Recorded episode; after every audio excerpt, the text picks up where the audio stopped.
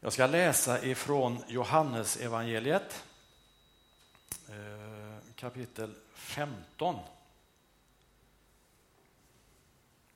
Och där är det vers 26 och så en liten bit framåt. Eh, och det är Jesus som säger så här. När hjälparen kommer som jag ska sända er från Fadern, sanningens ande som utgår från Fadern, då ska han vittna om mig. Också ni ska vittna, ty ni har varit med mig från början. Detta har jag sagt er för att ni inte ska komma på fall. De ska utesluta er ur synagogorna. Ja, den tid kommer då den som dödar er tror sig bära fram ett offer åt Gud. Och detta ska de göra därför att de inte har lärt känna Fadern och inte heller mig. Jag har sagt er detta för att ni, när den tiden kommer, ska minnas att jag har sagt det. Amen. För ett antal år sedan så hörde jag talas om eh, några vänner som träffades eh, ja, så där lite regelbundet hemma hos varandra. Och då gick det till så att när, eh, när den ena då bjöd hem de andra, värden, eh, då hade den bestämt, eller de bestämt om det var flera i hushållet, att ni kompisar, ni, ni får göra det här idag. Eh, det kunde vara städa garaget, det kanske var måla staketet eller rensa jordgubbslandet. Eh, tvätta bilen kanske, vad vet jag. Och så under tiden så, eh, så var värden, då lagade den mat till de andra. Då var ju liksom inte med i det jobbet. Och på ett sätt kan man ju då säga att de var hjälpare de här vännerna som kom och hjälpte till med världens önskemål. Och de sa ju inte, ja men det vill vi inte. Utan de utförde det som världen pekade på. Och de gjorde det så bra de kunde. För de ville ju att deras vän skulle liksom bli glad över resultatet och känna sig nöjd över hur det blev. Idag är ju temat för gudstjänsten Hjälparen kommer.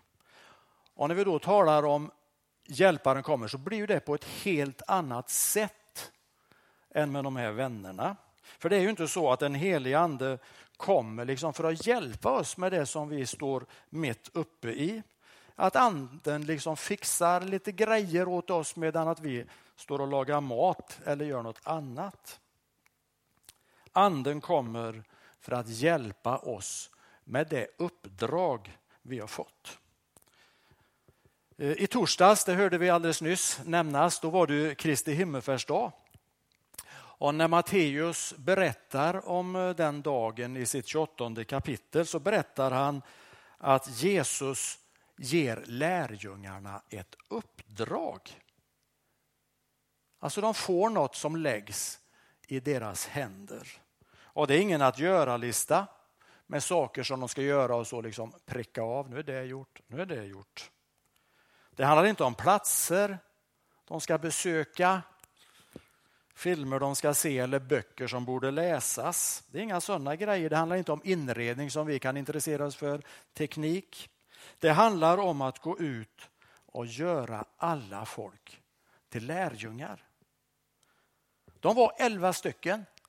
Och förmodligen så var det ett gäng kvinnor också, för de, de fanns alltid nära Jesus. De hjälpte honom med allt de kunde bidra med. Men det här gänget, de var i alla fall inte hur många som helst, det var ett litet gäng. Så står de där och så får de plötsligt ett uppdrag tillsammans. Ett gigantiskt uppdrag. Att gå ut och göra alla folk till lärjungar.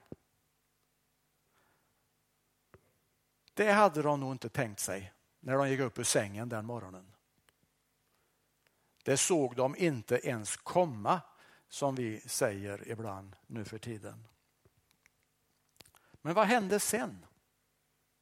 Hur tänkte de? Hur planerade de? Vilket var deras första steg?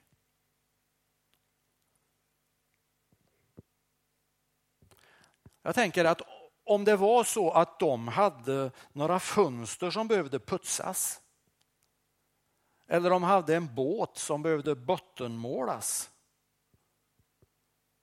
så blev de sakerna förmodligen ganska rejält nerprioriterade. Det kändes inte alls lika aktuellt längre. För nu fanns det helt andra saker som hade flutit upp som eh, låg överst på agendan. Man hade fått ett väldigt viktigt uppdrag. De hade säkert sina intressen kvar. Det fanns viktiga delar i deras liv. Men det hade ändå liksom kommit lite mer i bakgrunden av, eh, av deras tänkande. För det kändes inte lika viktigt. Det fanns annat som fick deras intresse, som fick deras fokus. Och det är här som hjälparen kommer in. Hjälparen kommer för att hjälpa dem med deras uppdrag. Och ibland kommer hjälparen med friska, helt nya och kanske lite galna idéer och ingångar på problem som kan verka helt omöjliga. Men lika ofta så tror jag att hjälparen hjälper lärjungarna att våga tro att det som de har i sin verktygslåda, att det räcker till. För det är ju så att Jesus han begär inte det omöjliga av någon av oss. Han förväntar sig inte att du ska vara någon annan. Att du ska kunna göra så som den gör eller som hon kan. Han vill bara att du ställer dig till förfogande. Han vill använda dig som den du är skapad till med de gåvor och de färdigheter som du bär på. Jesus skickar hjälparen för att locka fram det som redan finns hos lärjungarna. Men hjälparen kommer också med helt nya gåvor som fördelas på människor. Gåvor som behövs och kommer till nytta i vårt gemensamma uppdrag.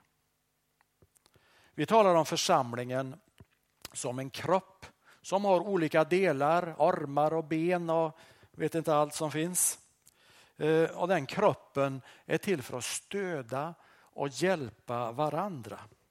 Och I församlingen så är vi olika. Det är vi av födseln. Och det är så det ska vara. Där den ene inte riktigt passar in eller har förmågan så kan en annan kliva in och hjälpa till. Och det är kyrkan. Det är församlingen. Det är oss som Jesus vill använda för att göra alla folk till lärjungar. Det är dig och mig han vill skicka. Författaren Magnus Malm och skriver i en av sina böcker Fri att tjäna, första delen, på sidan 206 så här. Som allt kristet liv är kyrkan ett gensvar på Kristus. Inte ett projekt vi ska förverkliga. Jag tänker här finns hjälparen med. Den heliga ande hjälper oss att hålla fokus som kyrka. Den heliga ande vill ge oss fantasi och se helt nya möjligheter. Och framför allt vill den heliga ande uppmana och uppmuntra oss som församling att se utanför oss själva. Den vill inspirera oss att ta vårt gemensamma uppdrag på allvar. En församling som glömmer bort sitt uppdrag riskerar att bli en intresseförening. Kanske en klubb för likasinnade. Där har man tid att recensera varandra, ha åsikter om varandra och till och med tid att peta i småsaker. Men när uppdraget får stå i fokus så glömmer församlingen bort sig själv. Den intresserar sig och fokuserar på dem som finns runt omkring. Vad saknar de? Vad lider de av? Vad längtar de efter? Hur kan vi finnas till för dem? Hur kan vi berätta för våra grannar och våra vänner om vem Jesus är? Vad han har gjort och hur mycket han älskar dem. I texten vi läste så säger Jesus att hjälparen kommer att vittna om mig. Och så lägger han till, också ni ska vittna. Med ditt liv får du vittna om Jesus. Med dina ord och dina handlingar får du vittna om Jesus. Med dina prioriteringar och med din ekonomi får du vara med och vittna om Jesus. Alla kommer inte att gilla det, säger Jesus. Gör det ändå. Att välja sida kommer att leda till att människor kanske kommer att vända dig ryggen och ibland vilja bli av med dig. I de lägena är det viktigt att komma ihåg uppdraget. Och för oss som kyrka så är det helt avgörande. Om vi skulle börja fundera på vår image och vårt varumärke, då är vi illa ute. Jesus verkar aldrig fundera över hur det han säger eller gör ska uppfattas av det omgivande samhället. Han är inte rädd för att säga det som behöver sägas eller göra det som behöver göras. Och jag önskar att jag var mer sån. Att jag var en person som låter uppdraget gå först. Att jag inte bekymrar mig så mycket eller anpassar mig till hur jag tror att andra ska reagera. För om vi oroar oss för vårt eget rykte så är risken stor att vi glömmer bort uppdraget som har lagts i våra händer. Att vi glömmer bort att det är uppdraget som är det viktiga. Hjälparen kommer för att stötta oss i uppgiften. Anden hjälper oss i uppdraget som är så ofantligt stort. Men som ändå har lagts i våra små händer. Inte i dina händer, inte i mina händer. Det har lagts i våra händer. Om några veckor så börjar restriktionerna lätta lite grann, hoppas vi. Det låter ju så i alla fall. Då måste vi som kyrka påminna oss om uppdraget. Om varför vi finns.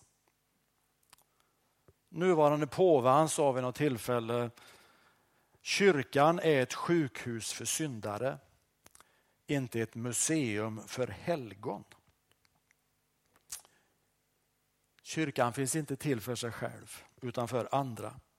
Andreasförsamlingen finns inte till för sin egen skull eller för medlemmarnas skull.